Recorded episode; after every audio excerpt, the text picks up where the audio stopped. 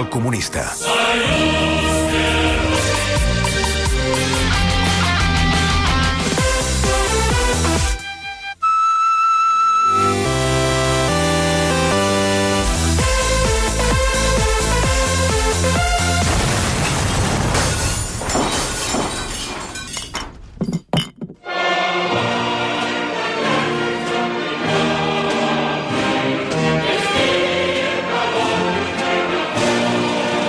Camarada Joel Díaz, bon dia i bona hora. Bon dia. Bon primer de maig.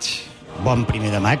Bueno, jo me me l'estic eh, passant pel forro, perquè estic aquí treballant. Mm. Ja d'entrada ja... És que el dia Quina tampoc merda. convida a manifestar-se gaire. eh? No, no, no, no. Ni el dia, ni la pandèmia, ni, Es- ni, ni les ganes que tinc de Tu que de- ets- d'ajuntar-me amb gent. Tu que Digue'm. ets barceloní, eh, és un indret on és més fàcil que et trobis la teva parella que a Madrid, per exemple? O la teva exparella? No, deu ser similar, no? No ho que sé. m'ho preguntes per allò de la Iuso? Sí, sí, sí. No ho sé. Oh. Què jo és tal la que- teva relació amb les exparelles, Joel? Doncs hi ha de tot, hi ha de tot. Això vol dir que, bueno, per començar, això vol dir que tens moltes parelles. No exparelles. crec, no crec que se n'hagi de ser amic per força d'una exparella. Vull dir, a vegades, tu, vull dir, d'algú que no n'ha sigut mai amic, n'ha sigut només parella, doncs tu només tens aquella relació de parella. Després ara fer-te'n amic, hòstia, no ho sé, tu. Saps? No encaixa. No, no, no cal forçar les coses. Les consultes que hem rebut aquesta setmana, la primera ens la fa arribar una persona afiliada a Comissions Obreres. Hombre. De fet, en subratlla que és un alliberat sindical. Ah. Firma la seva consulta com a curro... Curro poc.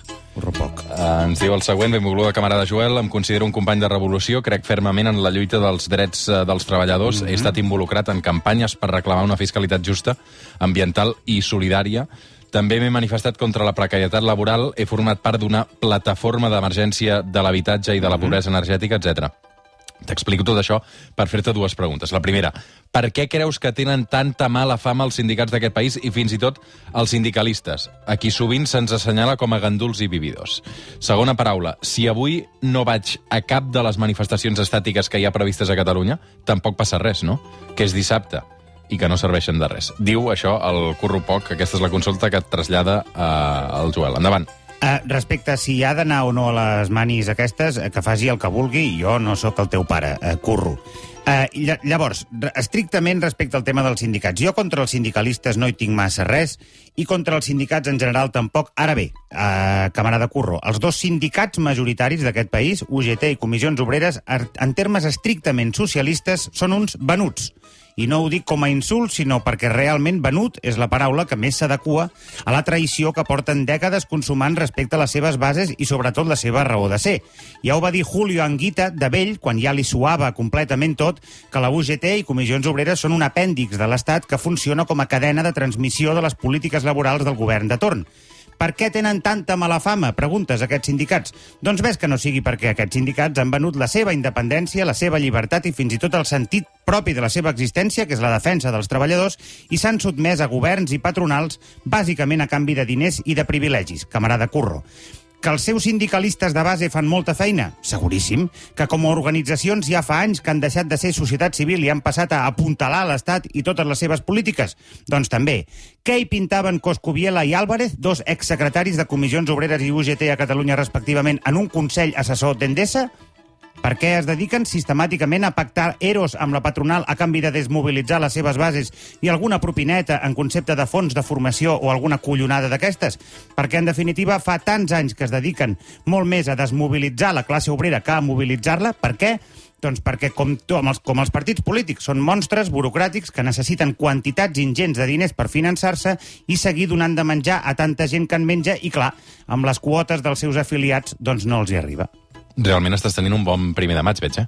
Sí, sí, sí. No, és que bueno, aquests dos sindicats concretament tenen tendència a apropiar-se d'aquest dia i potser no cal.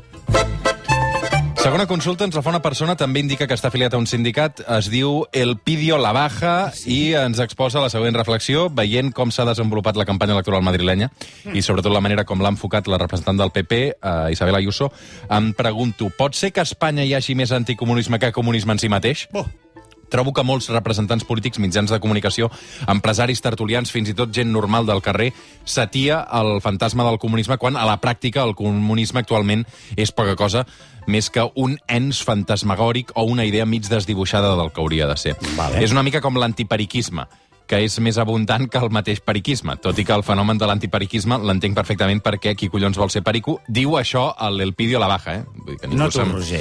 Eh, és voler fer el mal per fer el mal, diu l'Elpidio. El ser perico. Res més, Joel, gràcies, bon dia del treballador, ens veiem a la manifestació. Sí. Sí. Fins aquí la consulta de l'Elpidio a la baja. Vull dir, això són opinions d'oients que ens traslladen el seu missatge a arroba el Ah, Sí, suplement, Roger, suplement, no, no arroba... quedes malament amb ningú. Exacte. Oh, que, és que ets, ets polític, però polític, eh? Tira, va. Ja presentaràs els matins algun dia, ja. Bueno. Aviam, eh, home, doncs, doncs que, Déu, que Déu et conservi la vista, camarada Elpidio, perquè sí, és evident que a Espanya hi ha molt més anticomunisme que comunisme practicant. Per què? Doncs perquè des de fa més d'un segle l'anticomunisme ha mantingut intacte el seu potencial acollonador com a argument polític perquè feixistes i neoliberals imposin les seves idees feixistes i neoliberals, independentment que l'amenaça real del comunisme a Espanya sigui més o menys la mateixa que la dels Hare Krishna. Ayuso està fent servir ara per ara, eh, per la seva campanya a Madrid, els mateixos arguments que Franco o jo o els comunistes. De la mateixa manera que Vox està fent servir arguments etnicistes que podrien ser perfectament denunciats per plagi per algun descendent de Goebbels. És normal, el Pidio. Si els neoliberals expliquessin els seus objectius polítics reals, els pobres no els votarien, i és per això que necessiten la propaganda de la por. Ho fan amb el comunisme, també ho fan amb la ETA, amb la immigració i ara també amb l'independentisme català. I jo, com ja he dit alguna vegada, em conformaria amb que la realitat social espanyola i catalana fos només la meitat d'apocalíptica de com la pinten aquesta gent. A veure, més consultes. Ens l'envia un oient a través d'una nota de veu. Sabem que es diu Montse Montserrat. Montserrat, Montserrat. Però és un oient. Ah, és un oient, és veritat. És veritat, És que és un oient. és veritat. A veure, a, a veure quina veu té. Endavant la consulta. Bon dia, Joel. Ah. Ah. Mira, és la primera vegada que truco. Tu no ho pots veure, Joel, però pels nervis m'està tremolant la parpella de l'ull. Hòstia. Aquí sota, la bosseta aquesta d'aquí baix, saps? Sí, sí, a mi també em passa. No la bossa dels ous, la parpella de l'ull. Això d'aquí, oita. Ja, ja. Em tremola pels nervis. Clar. Bueno, anem al tema. Primer de tot em dic Montserrat, però és nom de senyor. Oh. Ja, ja. Perquè abans es posava Montserrat als tios. Abans. Vull dir que no em toqueu la polla amb la cunyeta d'aquest tio té nom de tia, perquè porto des de petit aguantant la puta broma i tinc els ous que m'exploten ja. Normal. Ara sí que parlo de la bossa d'aquí sota. Ja. Bueno, el que deia. Mm -hmm. Et volia fer una pregunta, Joel. Mhm. Endavant. I és que he llegit al diari que aquell Endurant i Lleida, que era una bona que vivia als Ritz de Madrid, al molt i mentre aquí deia una cosa, allà en deia una altra. Poc de dreta, saps, el paio, i catòlic, Oh. i calvo. Sí. Això últim no és dolent, cony. Ah, anava a dir. I també era amic del rei d'abans, saps? Malpaït. Quedaven per menjar pernil del bo. Uh, i la més cosa coses. és que el diari diu que Endurant ha obert una escola a Barcelona per formar-hi líders. Sí. L'Acadèmia Europea Leadership. Leadership. Clar, no s'ha explicat si seran líders de tendència liberal o socialdemòcrates o comunistes, tot i que ja m'ho ensumo. Ets un lince. La pregunta és... Ens apuntem al col·le d'Endurant, Joel? I tant. Si tu t'hi apuntes, jo m'hi apunto. Pensa-hi. Potser ens podríem formar com a líders comunistes aprofitant-nos del sistema capitalista. Això ja no vaig Clar fer. que deu ser barata, saps? La mà... Sempre talleu el millor. Gràcies per escoltar-me. Respecte abans que res, si plau. I put... Déu-n'hi-do. La, la Puny consulta aquest no- no acabo de del, del Montserrat. Eh, endavant. Eh, camarada Montserrat, m'agrada que em facis aquesta pregunta perquè justament m'estava plantejant apuntar-me a l'acadèmia aquesta del Duran i Lleida, no és conya.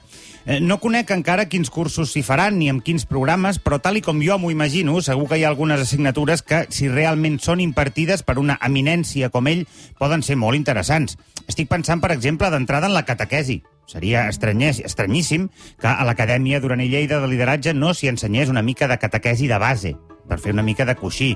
Després hi ha, doncs, assignatures més específiques, com introducció al puta i ramonatisme, les classes pràctiques de peix al cova, alguna coseta de gestió hotelera, tenint en compte la seva experiència vivint al Palace de Madrid i pactant al Majestic de Barcelona, i llavors ja pels més ambiciosos acadèmicament parlant, espero que hi hagi un postgrau específic, especialitzat en la teoria i pràctica del botiflerisme. Quina seria la teva preferida? On trauries cum laude, tu? Uh, home, jo, jo la puta i la Ramoneta és un, és, un, és un exercici que el practico bastant sovint, no a nivell polític. A la feina? A la, a la vida. La A feina. la vida. Ens escriu l'Àgata, és de Barcelona, M'agrada molt aquest Però nom. en contra de la seva voluntat viu a Lleida, Ai, diu, pobre. on assegura que tothom li diu... E EGT. EGT. Segurament és mentida, això que ens explica l'Àgata, i a més deixeu-me dir que trobo que l'accent de, de Lleida a mi m'agrada molt, és Molt, fantàstic. molt. Uh, diu, m'ha... re- Uh, seguint amb aquesta cosa que deies, eh, de, sí. de políticament curt. M'ha arribat un rumor inquietant, diu Ah, que en- l'Àgata, en Joel... realitat no t'agrada l'accent de Suposo que estàs al corrent que Hipòcrita. el periodista Lluís Caelles va estar fa poc a l'interior del reactor nuclear de la central de Txernòbil. Sí, m'ho vau explicar aquí, de fet. Oficialment se'ns ha dit que tot va estar controlat i que va anar molt bé, però m'ha arribat per fons no governamentals que la realitat ha estat molt diferent. Ai, Allà madre. dins hi va passar alguna cosa. Després d'estar 10 minuts exposat a la radiació, Lluís Caelles ha adquirit poders supercomunistes i s'ha convertit en una mena de superheroi de Marvel, amb accent de Lleida. Dispara eh, rajos làser pels ulls, diu, expropia empreses i fàbriques només minant-les i qualsevol persona que s'exposa a la seva radiació es torna comunista i el que és pitjor, diu, l'àgata lleidatana. Hòstia, no sé si compensa, allò. Es veu que la Mari Pau Guet ja ha estat captada i tots dos avancen imparables des de la terra ferma cap a Barcelona. Mhm. Mm -hmm. Joel, ha arribat el moment. Crec que en Lluís Caelles radioactiu és el superhome comunista que necessitàvem per fer Catalunya el país que volem tots. Acceptaria, Joel, una Catalunya comunista a canvi que fóssim obligats a parlar amb accent de Lleida i alimentar-nos només de cargols? No. D'altra banda, apostarem per l'energia nuclear un cop siguem independitzats i socialitzats? Sí. On situaries les noves centrals nuclears i per què a Tarragona? Ja ho ha respost ell. Fins aquí la consulta de l'Àgata. Recordeu que suplement arroba catradio.cat, suplement arroba catradio.cat, un correu amb les consultes que voleu enviar al Joel. Endavant amb aquesta consulta eh, lleidofòbica, si m'ho deixeu dir I, així. I tarracofòbica, també. Endavant. Bueno, que comparteixo, per altra banda. Benvinguda, ai, benvinguda no, benvolguda, camarada Àgata, estàs com un puto llum de ganxo, però llegint la teva consulta t'he de dir que m'ha passat allò que passa amb els bojos, que entre tant de deliri hi trobes parletes de lucidesa. En el teu cas són poquíssimes parletes i, a més, molt petites, però hi són, hi són. Aviam, parles de la idea d'un superheroi comunista que alliberi Catalunya del jou del, del capitalisme global. És una idea que m'agrada, però jo no hi veig el Caelles, per molt irradiat que hagi estat a Txernòbil. Jo, i em sembla, que ja ho he dit algun dia, crec que aquest Superman roig a Catalunya no podria tenir un altre Calarc Kent que no fos Joan Coscubiela. Un supercoscubiela amb una capa vermella amb el logo de Comissions Obreres flanquejat per Supermaiol i Supersaura i tots ells acompanyats d'Òscar Guardingo en el paper de l'incleïble Hulk comunista. La patrulla X. Una Comunista. consulta més, una persona que es diu Xavier Manrique i que diu que és advocat de l'àrea metropolitana de Barcelona. Mhm. Mm -hmm. Estimat Joel, fa temps que intueixo que molts dels problemes d'aquest país presos polítics, revoltes als carrers, llibertat d'expressió, casos de corrupció a la política, uh -huh. tenen un denominador comú que no és altre que la nefasta i corrupta presa de decisions dels jutges d'aquest país. Ja. M'explicaré. És justificable que el Codi Penal de qualsevol país contempli el delicte d'enaltiment al terrorisme, però el que és una aberració és que un jutge, al qual ningú, ni tan sols els mitjans de comunicació, han posat en qüestió, utilitzi aquest delicte per condemnar un noi pijo de Lleida per fer una cançó. Diu, suposo que es refereix a Pablo Hasél. Sí. Dit tot això, com funcionaria el poder judicial en una Catalunya comunista? Jo que sí. Quants caps tallaries de l'actual sistema judicial? Tots. Podria seguir exercint la meva professió en aquest nou país? Pregunta el Xavier Manrique, advocat. Jo, de Diu. veritat. Aviam, eh, camarada, mira, camarada Xavi Manrique, et seré molt franc, vale? El Roger Escapa no em paga prou com per jo ara dedicar-me a construir mentalment una hipotètica nova judicatura per una hipotètica nova Catalunya independent i comunista. Ni tinc tanta imaginació, ni, el que és més important, tinc la menor recontrapunyetera idea de com funciona la justícia, honestament. Del sistema judicial espanyol només sé tres coses que no és independent del, por- del poder polític ni de l'econòmic, que està ple de feixistes i que, en conseqüència, un delicte com el d'enaltiment del terrorisme en mans d'un feixista doncs, és una porta oberta de bat a bat per quan calgui omplir les presons de presos polítics.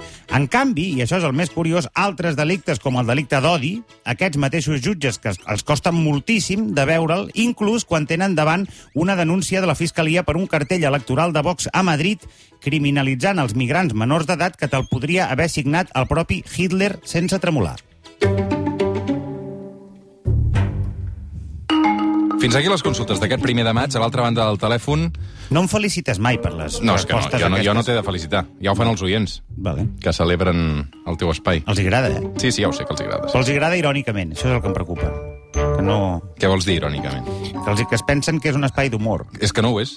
És que no ho és. No ho és, no ho és. que No és que això la gent no ho entén. La gent no ho entén res. hòstia. A l'altra banda del telèfon, una persona... Tendremos que hablar en castellano a partir d'ara. Home, no, perquè després em foten a caldo, tio. No, no, no, Roger, no. pues doncs vamos a hablar en Em castellano. nego a parlar en castellà. Vamos a hablar con la lengua que... De veritat o no? De verdad, de verdad, de verdad. Amb el Pinto aquell, amb el porter del Barça, i la gent em va dir que ets un botifler, i jo, què vols que faci? A la banda d'altra banda del telèfon, una persona molt coneguda ens està escoltant. A mi em fa il·lusió que avui eh, puguem saludar aquest convidat barra convidada perquè no és un habitual de Catalunya Ràdio. Ah, De fet, jo no l'he jo no l'he entrevistat mai y la entrevista la farás tú. Esta persona ya no nos está escuchando, solo puede responder preguntas de sí y no. vale. Parlo en castellà, eh? Tienes que hablar en castellano. Vale, de Adelante. Eh, buenos días, no contestes porque no es ninguna pregunta. ¿Eres español? Sí, Sí. ¿Eres catalán? no, Vale. Em, ¿Eres menor de 50 años? no, ¿Eres... Hostia, ¿eres menor de 50 años? No. ¿Eres mayor de 60? no, Vale, ya te tengo un poco ubicado. Entonces, ¿vi- ¿vives en Madrid? sí, Vives en Madrid. Em, vives en Madrid, y entonces... Y bueno, vamos a ver a qué te dedicas. ¿Trabajas por cuenta propia? mm, Vale, es complicado. Sí ¿Es complicado? y no. Sí, Sí y no, no. es complicado. sí y no, O sea, ¿eres empresario? sí, Sí. Eres empresario. Eres, empres- ¿Eres rico? no, ¿Eres pobre? no, Entonces, ¿qué eres? Clase media. ¿Eres clase media alta? sí, Vale. ¿Eres feliz? De, ver- de verdad, ¿eh? sí, eh, mm, mucho, Mucho, mucho. Em, ¿Escuchas? eh, ¿Entiendes el catalán? Espérate, un momento. no, No entiendes el catalán. No, porque si no estamos haciendo aquí el tonto. No.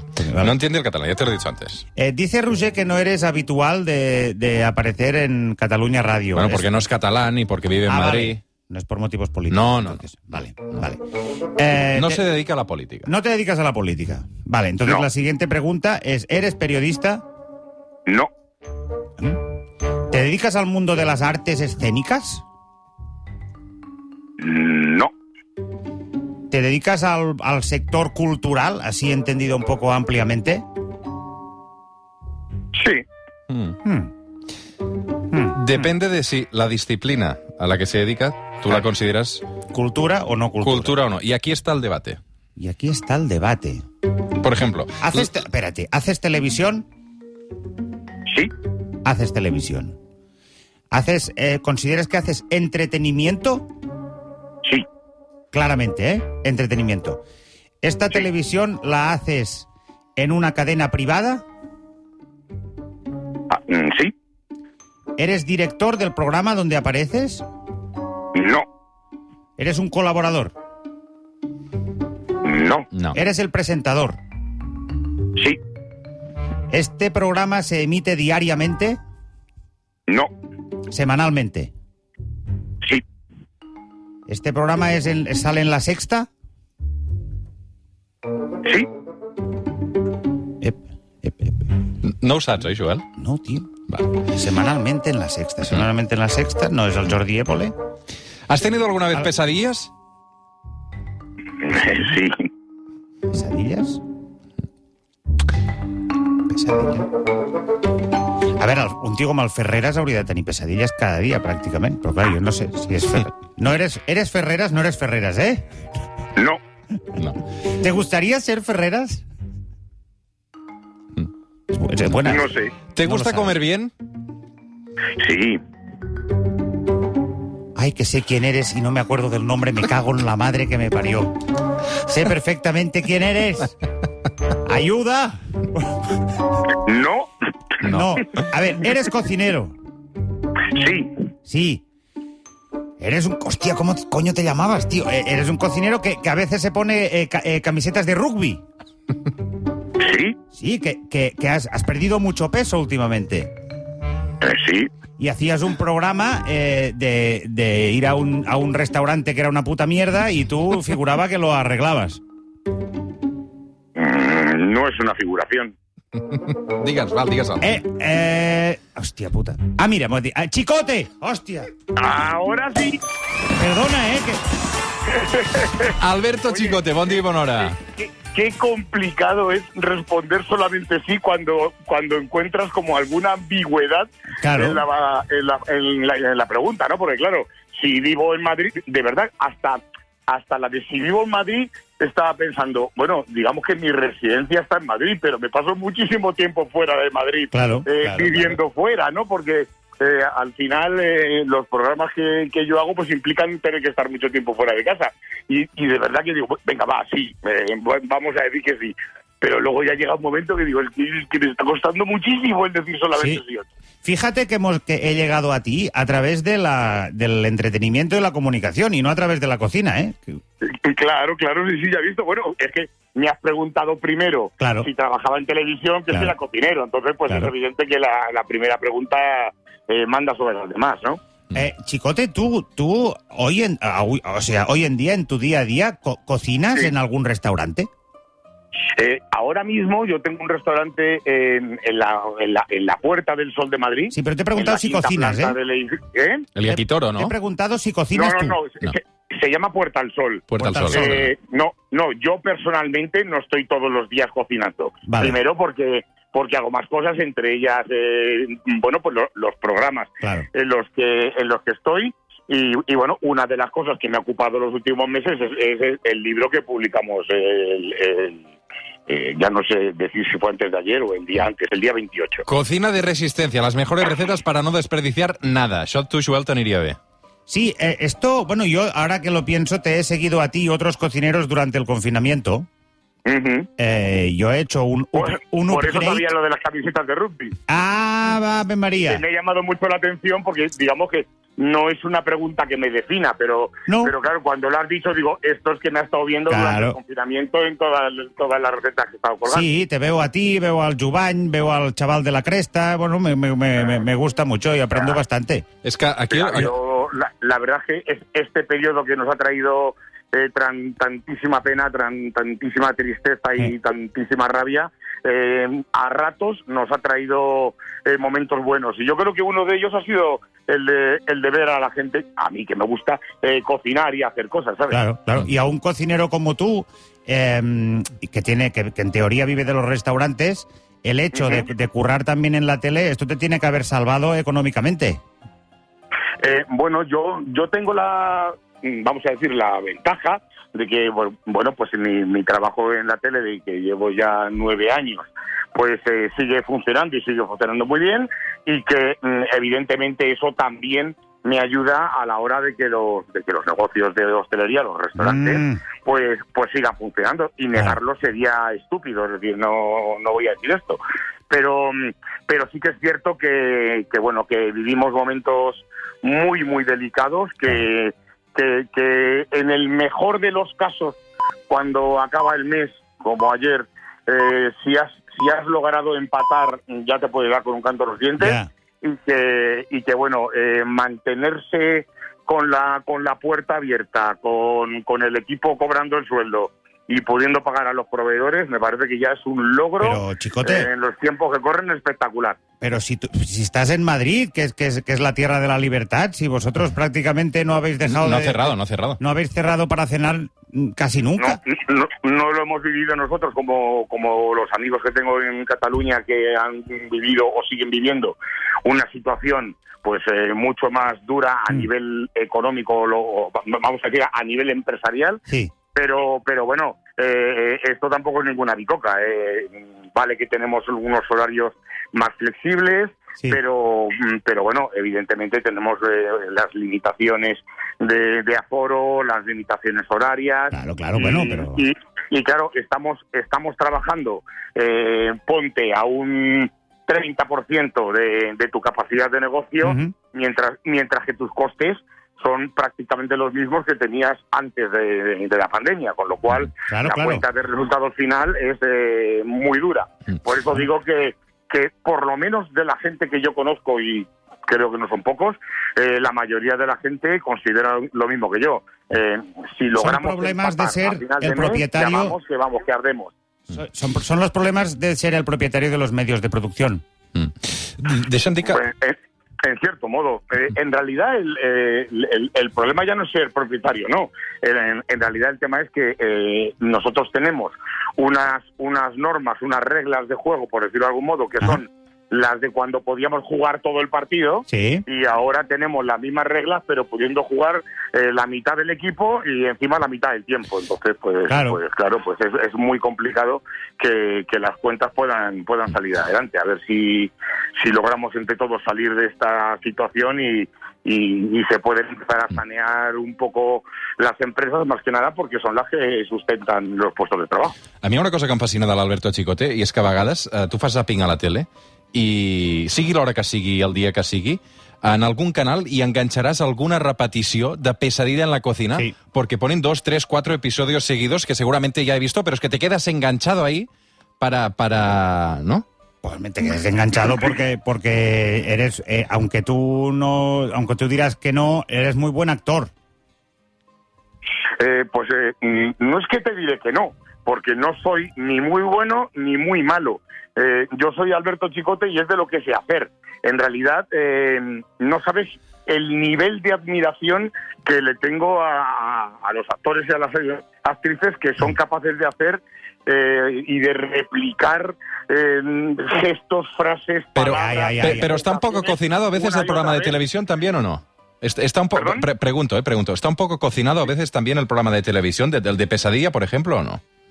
Mm, Tal y como lo ves. Las cosas son tal y como lo ves y así. Eh, Pero, lo hacemos entonces, a las bravas. ¿dónde- Porque nosotros no, no podemos repetir una cosa. No podemos eh, mm, mm, decir, no podemos hacer como en, como en el rodaje de, de una película, donde tú dices, uy, es que me he equivocado al decir Ya, ya. esto o es que eh, al director no le ha gustado tal. Nosotros eh, hacemos, grabamos todo una vez y lo que salga Vale. es, eh, es lo que tenemos. No, no hay más. Eh, Alberto.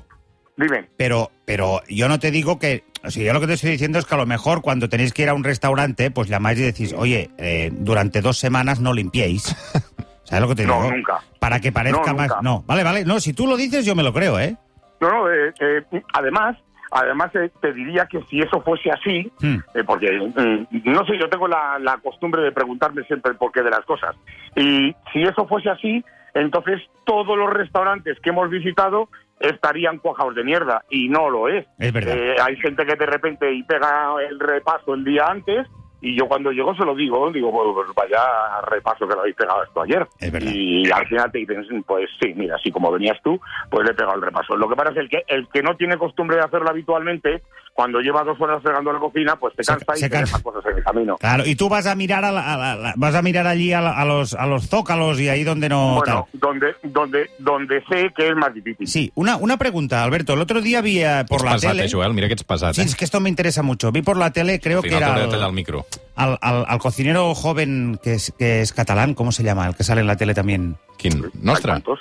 No. El, el joven catalán Marc que sale en la Ribas. tele que es guapo. El No, Marc Ribas. no, el de Masterchef, vamos. Ah, el Jordi Cruz. Eh, A eh, Jordi Cruz. Vi Sí. al Jordi Cruz y al Avellán y todos, todos los dos decían, hostia, yo soy de izquierdas, Pero votaría pero Ayuso. ahora mismo votaría a Ayuso. Eh, ¿Tú también eh, vas de este palo? Porque yo creo que o eres de izquierda o votas a Ayuso, pero las dos cosas a la vez no pueden yo, ser.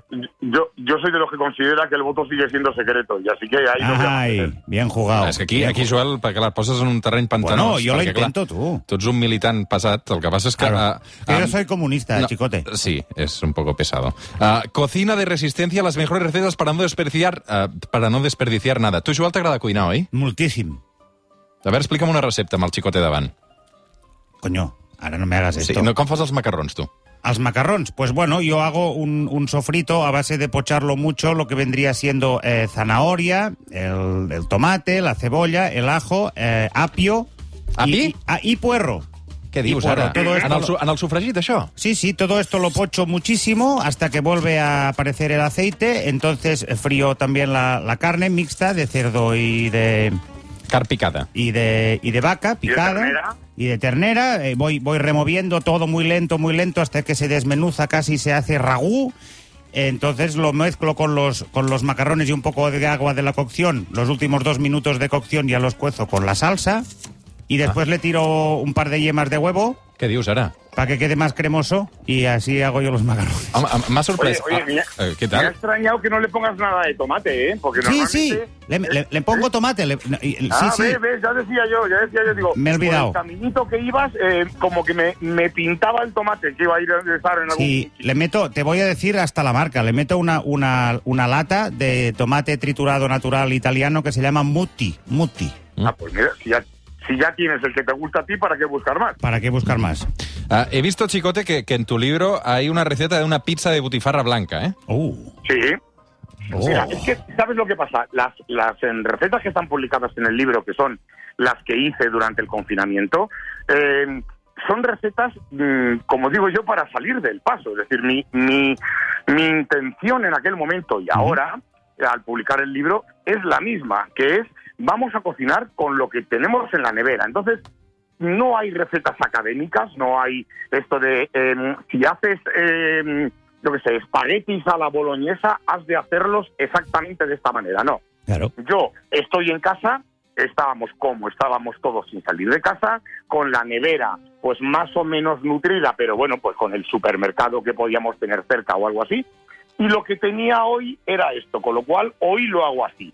Salgo del atolladero, las cosas están muy buenas y aunque en otras condiciones sí que diría, pues para hacer unos, unos espagueti a la boloñesa has de coger esto, esto, esto. y tal. Mira, no, eh, esto es lo que tengo, con esto cocino y con esto salgo del atolladero y como rico en casa, porque el objetivo para mí, y creo que para todos, cuando estábamos en- encerrados, eh, era, oye, si le puedo arañar al día dos momentos de Pues sí, felicidad, que pues sean sí. la comida y la cena, hostia, ya me estoy arreglando mucho, ¿eh? Ujú. Sí, sí. Cocina de resistència, les mejores recetes para no desperdiciar nada, l'últim llibre d'Alberto Chicote, avui ens ha atès el comunista amb el Joel Díaz. Ha estat un plaer conèixer l'Alberto. Alberto, moltes gràcies. Muchísimas gracias a vosotros. Gracias, Alberto. Un placer. Venga, hasta otra, cuidado. Eh. Hasta otra. Una abraçada ben forta. Adiós. Sis minuts per arribar a tres quarts de dotze del migdia. Haurem de fer una petita pausa, ara cap a la manifestació del primer de maig, eh, Joel? Mm, mm. Ara vaig, ara vaig. Espera't un moment. Ho dic perquè és que tenim Twitter que està bullint perquè el rapapolvo que li has fotut a Qui? Comissions Obreres i UGT, jo crec que això acaba amb pregunta parlamentària. Bueno, doncs, doncs que em convidin a mi a respondre-la al Parlament, que aniré encantat. En fi, déu nhi Gràcies, Joel. A tu. Uh, fem una petita pausa i de seguida tornem al suplement. El suplement. Ràdio amb esperit de cap de setmana. Amb Roger Escapa.